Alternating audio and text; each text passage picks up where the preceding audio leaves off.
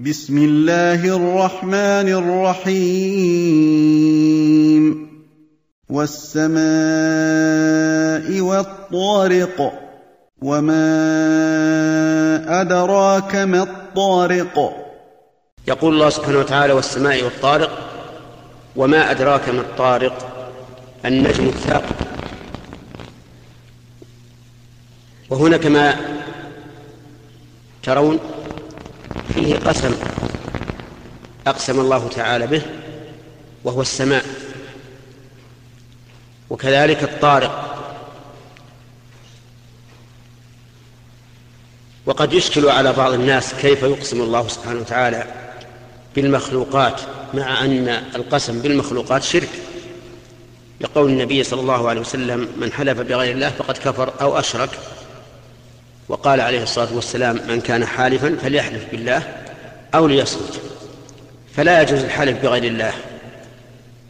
لا بالأنبياء ولا بالملائكة ولا بالكعبة ولا بالوطن ولا بأي شيء من المخلوقات.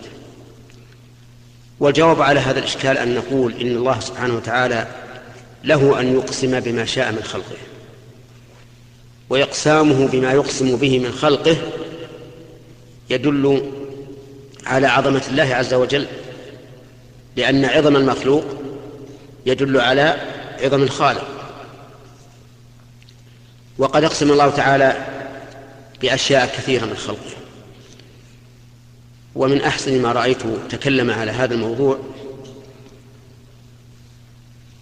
ابن ابن القيم رحمه الله في كتابه التبيان في أقسام القرآن. وهو كتاب جيد ينفع طالب العلم كثيرا. فهنا يقسم الله تعالى بالسماء. والسماء هو كل ما علاك كل ما علاك فهو سماء. حتى السحاب الذي ينزل فيه منه المطر يسمى سماء. كما قال كما قال الله تعالى أنزل من السماء ماء فسالت أودية بقدرها. وإذا كان يطلق, يطلق على كل ما علاك فإنه يشمل ما بين السماء والأرض ويشمل السماوات كلها لأنها كلها قد علت وهي فوقك. وأما قوله والطارق فهو قسم ثاني أي أن الله أقسم بالطارق. فما هو الطارق؟ ليس الطارق هو الذي يطرق أهله ليلا.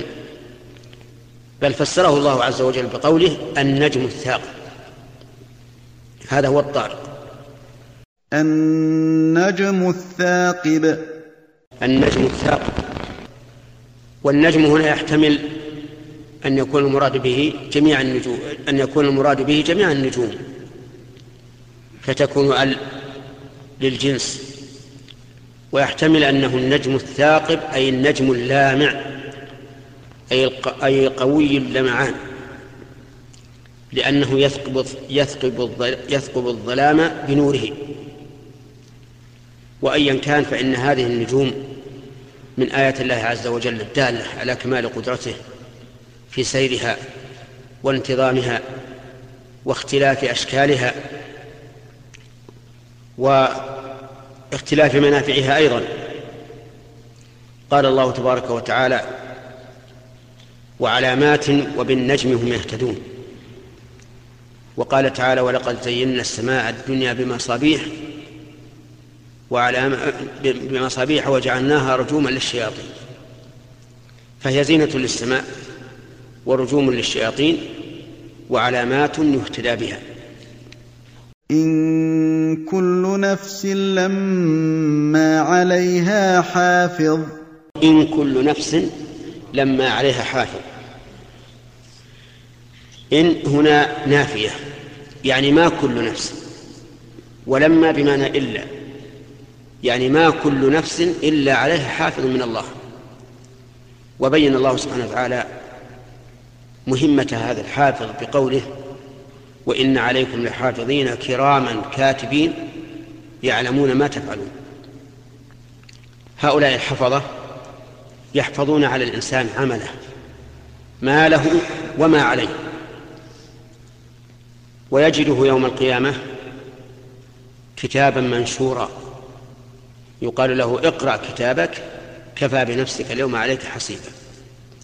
هؤلاء الحفظة يكتبون ما يقوم به الإنسان من قول وما يقوم به من فعل سواء كان ظاهرا كأقوال اللسان وأعمال الجوارح أو باطنا حتى ما في القلب مما يعتقده الإنسان فإنه يكتب عليه. لقوله تعالى ولقد خلقنا الإنسان ونعلم ما توسوس به نفسه ونحن أقرب إليه من حبل الوريد إذ يتلقى المتلقيان عن اليمين وعن الشمال قعيد ما يلفظ من قول إلا لديه رقيب عتيد. هذا الحافظ يحفظ عمل بني آدم. وهناك حفظها آخرون بينه ذكرهم الله في قوله له معقبات من بين يديه ومن خلفه يحفظونه من أمر الله. فلينظر الإنسان مما خلق. فلينظر الإنسان مما خلق. اللام هنا للأمر والمراد بالنظر هنا نظر الاعتبار وهو النظر بالبصيرة. يعني ليفكر الإنسان مما خلق. هل خلق من حديد؟ هل خلق من فولاذ؟ هل خلق من شيء قاس قوي؟ والجواب على على هذه التساؤلات أنه خلق من ماء دافق. خلق من ماء دافق. خلق من ماء دافق وهو ماء الرجل. ووصفه الله تعالى في آية أخرى بأنه ماء مهين ضعيف السيلان ليس كالماء العادي المنطلق. ووصفه الله تعالى في آية أخرى أنه نطفة أي قليل من الماء.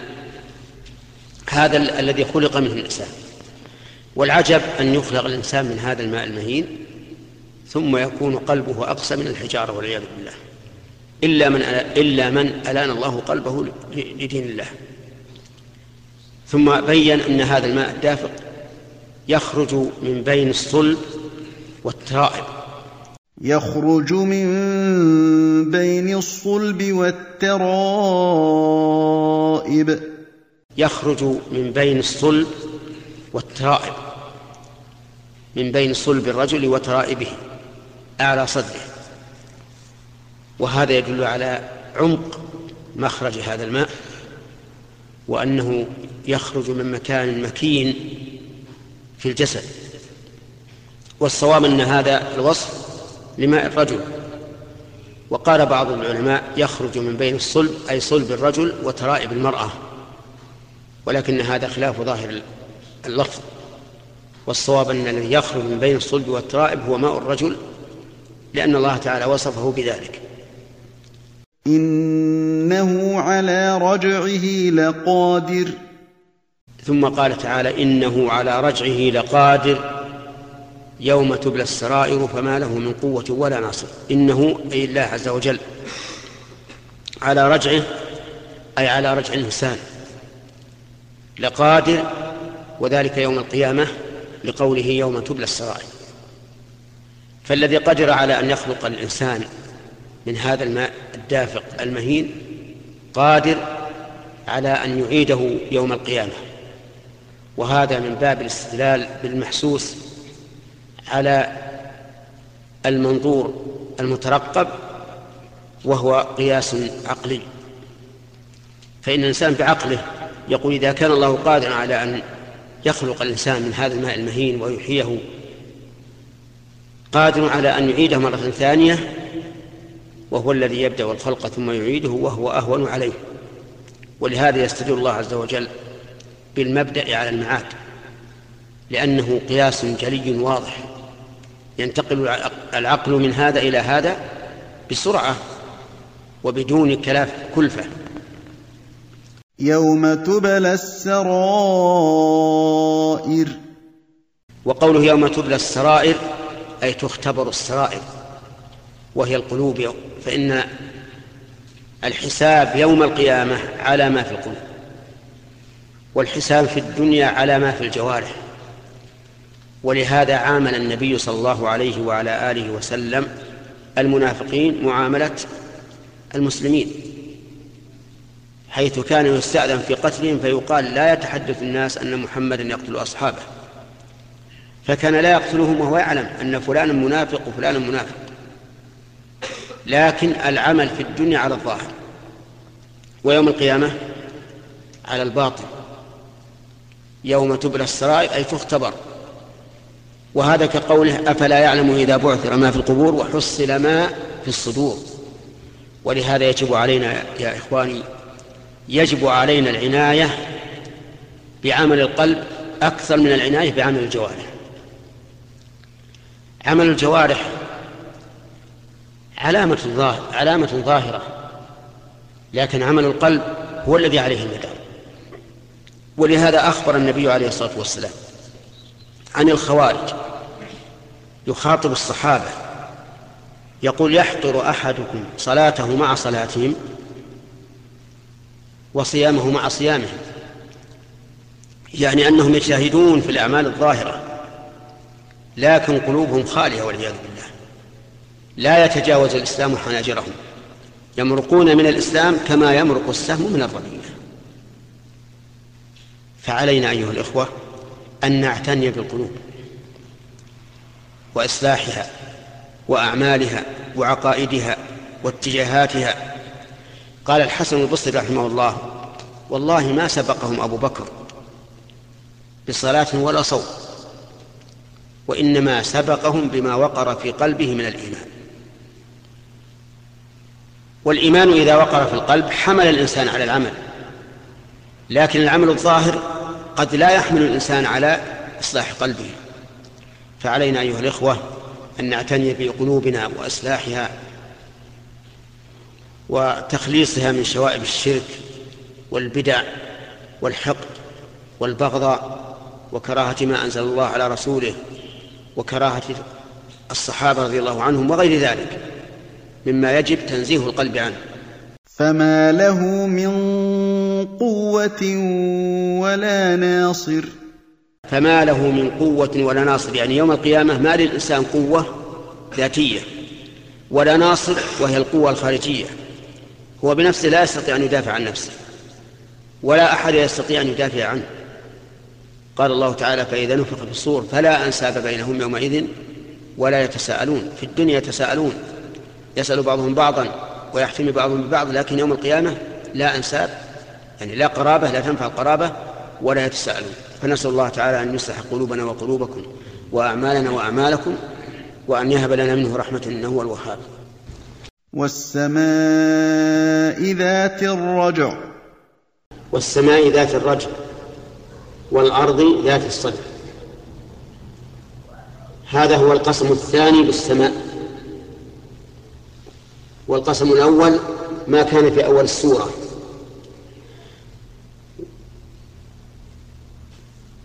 فهناك قال والسماء والطارق وما أدراك ما الطارق النجم الثاقب وهنا قال والسماء ذات الرجع والأرض ذات الصدع إنه لقول فصل. والمناسبة بين القسمين والله أعلم أن الأول فيه إشارة إلى الطارق الذي هو النجم والنجم كما نعلم ترمى به الشياطين الذين يسترقون السمع.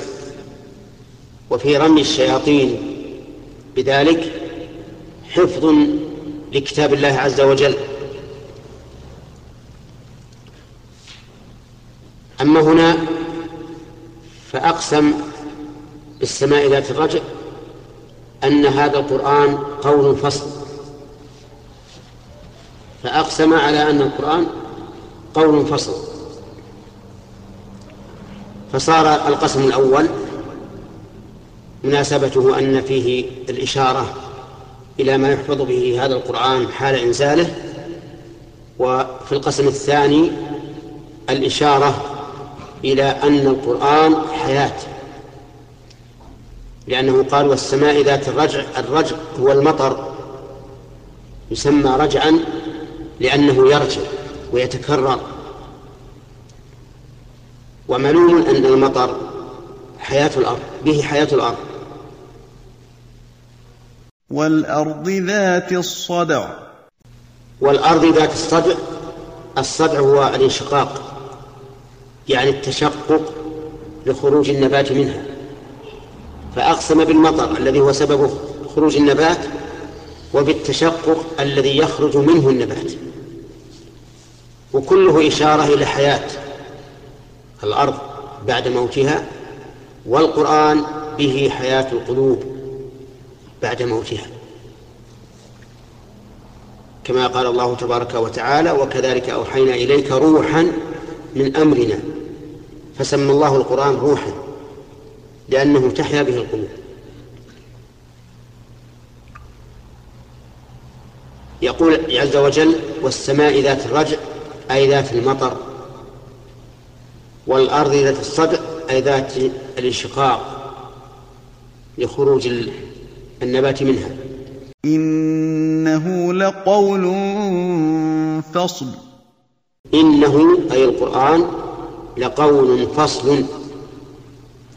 فوصفه الله بأنه قول. قول من؟ قول الله عز وجل. فهو الذي تكلم به. وألقاه إلى جبريل ثم نزل به جبريل على قلب النبي صلى الله عليه وعلى آله وسلم. وقد أضاف الله القرآن قولا إلى جبريل وإلى محمد عليهما الصلاة والسلام فقال تعالى في الأول إنه لقول رسول كريم ذي قوة عند ذي العرش مكين مطاع ثم أمين.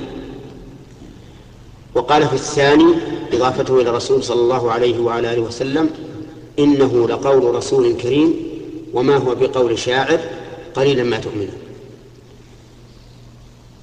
ففي الأول, ففي الأول أضاف القول إلى جبريل لأنه بلغه عن الله إلى محمد صلى الله عليه وعلى آله وسلم وفي الثاني أضافه إلى محمد لأنه بلغه إلى الناس.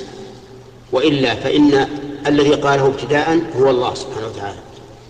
إنه لقول فصل فصل يفصل بين الحق والباطل وبين المتقين والظالمين. بل إنه فصل أي قاطع لكل من ناوأه وعاداه. ولهذا نجد المسلمين لما كانوا يجاهدون الكفار بالقرآن نجدهم غلبوا على غلبوا الكفار وقطعوا دابرهم وقضي بينهم وبينهم. فلما أعرضوا عن القرآن هزموا وأذلوا بقدر بعدهم عن القرآن. فكلما أبعد الإنسان عن عن كتاب الله ابتعدت عنه العزة وابتعد عنه النصر حتى يرجع إلى كتاب الله عز وجل. وما هو بالهزل؟ قال وما هو بالهزل؟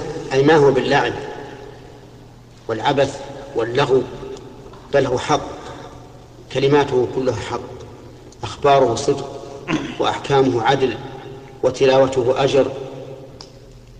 لو تلاه الإنسان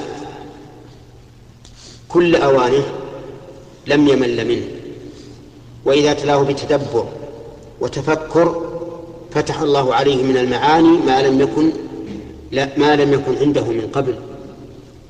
وهذا شيء مشاهد. اقرأ القرآن وتدبره كلما قرأته وتدبرته حصل لك من معانيه ما لم يكن يحصل لك من قبل. كل هذا لأنه فصل وليس بهزل. لكن الكلام اللغو من كلام الناس. كلما كررته مججته وكرهته ومللته أما كتاب الله فلا. إنهم يكيدون كيدا وأكيد كيدا. ثم قال تعالى إنهم يكيدون كيدا. إنهم يعني الكفار المكذبين للرسول صلى الله عليه وعلى آله وسلم يكيدون كيدا. أي كيدا عظيما يكيدون للرسول عليه الصلاة والسلام يكيدون لمن اتبع لمن اتبعه. وانظر ماذا كانوا يفعلون في المؤمنين أيام كانوا في مكة من التعذيب والتوبيخ والتشريد. هاجر المسلمون مرتين إلى الحبشة ثم هاجروا إلى المدينة. كل ذلك فرارا بدينهم من هؤلاء المجرمين. الذين آذوهم بكل كيد. وأعظم ما فعلوا بالنبي عليه الصلاة والسلام حين الهجرة حيث اجتمع رؤساؤهم وأشرافهم. يتشاورون ماذا يفعلون بمحمد. فكلما ذكروا رأيا نقضوه. قالوا هذا لا يصلح. حتى أشار إليهم فيما ذكر التاريخ الشيطان الذي جاء بصورة رجل وقال لهم إني أرى أن تختاروا عشرة شبان من قبائل متفرقة وتعطوا كل, كل واحد منهم سيفا حتى يقتلوا محمدا قتلة رجل واحد. فإذا فعلوا ذلك تفرق دمه في القبائل. فلم تستطع بنو هاشم أن تقتص من القبائل كلها فيرضخون إلى أخذ الدية. وهذا هو الذي يريدون. فأجمعوا على هذا الرأي واستحسنوا هذا الرأي. وفعلا جلس الشبان العشرة ينتظرون خروج النبي صلى الله عليه وعلى آله وسلم ليقتلوه. ولكن النبي صلى الله عليه وعلى آله وسلم خرج من الباب وهم جلوس ولم يشاهدوه. وذكر التاريخ أنه جعل يذر التراب على رؤوسهم إذلالا لهم. ويقرأ قول الله تعالى وجعلنا من بين أيديهم سدا ومن خلفهم سدا فأغشيناهم فهم لا يبصرون. ولا تتعجبوا كيف خرج النبي صلى الله عليه وعلى آله وسلم من بينهم ولم يشاهدوه. لا تعجبوا من هذا. فها قريش حين اختبأ النبي صلى الله عليه وعلى آله وسلم في الغار لما خرج من مكة يريد المدينة اختبأ في الغار ثلاثة أيام ليخف عنه الطلب لأن قريشا صارت تطلبه. وجعلت لمن جاء به مائة بعير ولمن جاء به مع أبي بكر مائتي بعير. وهذه جائزة كبيرة. فوقفوا على الغار الذي فيه النبي صلى الله عليه وسلم وأبو بكر وكلنا يعلم أن الغار المفتوح إذا كان فيه أحد فسوف يرى. ولكنهم لم يروا النبي صلى الله عليه وعلى آله وسلم ولا أبا بكر رضي الله عنه. فقال يا رسول الله لو نظر أحدهم إلى قدمه لأبصرنا. فقال لا تحزن إن الله معنا. فما ظنك باثنين الله ثالثهما. فاطمأن أبو بكر. هؤلاء القوم الذين وقفوا على الغار ليس عندهم قصور في السمع ولا قصور في البصر ولا قصور في الذكاء. ولكن أعمى الله أبصارهم عنه عن النبي صلى الله عليه وعلى آله وسلم وصاحبه. فلا تعجبوا أن خرج من بين هؤلاء الشبان العشرة كما قال أهل التاريخ وجعل يضر التراب على رؤوسهم ويقول وجعلنا من بين أيديهم سدا ومن خلفهم سدا فأغشيناهم فهم لا يبصرون. هنا يقول عز وجل في سورة الطارق إنهم يكيدون كيدا وأكيد كيدا. واتلوا قول الله تعالى في سورة الأنفال وإذ يمكر بك الذين كفروا ليثبتوك يعني يحبسوك أو يقتلوك أو يخرجوك. ويمكرون ويمكر الله والله خير الماكرين فمهل الكافرين أمهلهم رويدا. فمهل الكافرين أمهلهم رويدا. مهل وأمهل معناهما واحد. يعني انتظر بمهلة. ولا تنتظر بمهلة طويلة. أمهلهم رويدا أي قليلا. ورويدا تصغير رود أو إرواد. والمراد به الشيء القليل وفي هذه الآية تهديد لقريش وتسلية للرسول صلى الله عليه وعلى آله وسلم ووعد له بالنصر. وحصل الأمر كما أخبر الله عز وجل. خرج النبي عليه الصلاة والسلام مهاجرا منهم وحصل بينهم وبينهم حروب. وفي السنة الثانية من الهجرة قتل من صناديد قريش وكبرائهم وزعمائهم نحو أربعة وعشرين رجلا. منهم قائدهم أبو جهل. وبعد ثمان سنوات بل أقل من ثمان سنوات دخل النبي صلى الله عليه وسلم مكة فاتحا منصورا ظافرا. حتى إنه قال كما جاء في التاريخ قال وهو ممسك بعضادتي باب الكعبة وقريش تحته قال لهم ما ترون أني فاعل بكم؟ لأن الأمر أصبح أمرهم بيده عليه الصلاة والسلام. ما ترون أني فاعل بكم؟ قالوا أخ كريم وابن أخ كريم.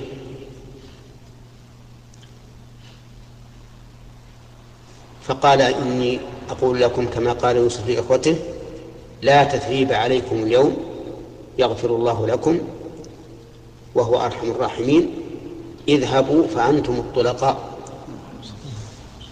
وإنما من عليهم هذه المنة عليه الصلاة والسلام لأنهم أسلموا. وقد قال الله تعالى قل للذين كفروا إن ينتهوا يغفر لهم ما قد سلف.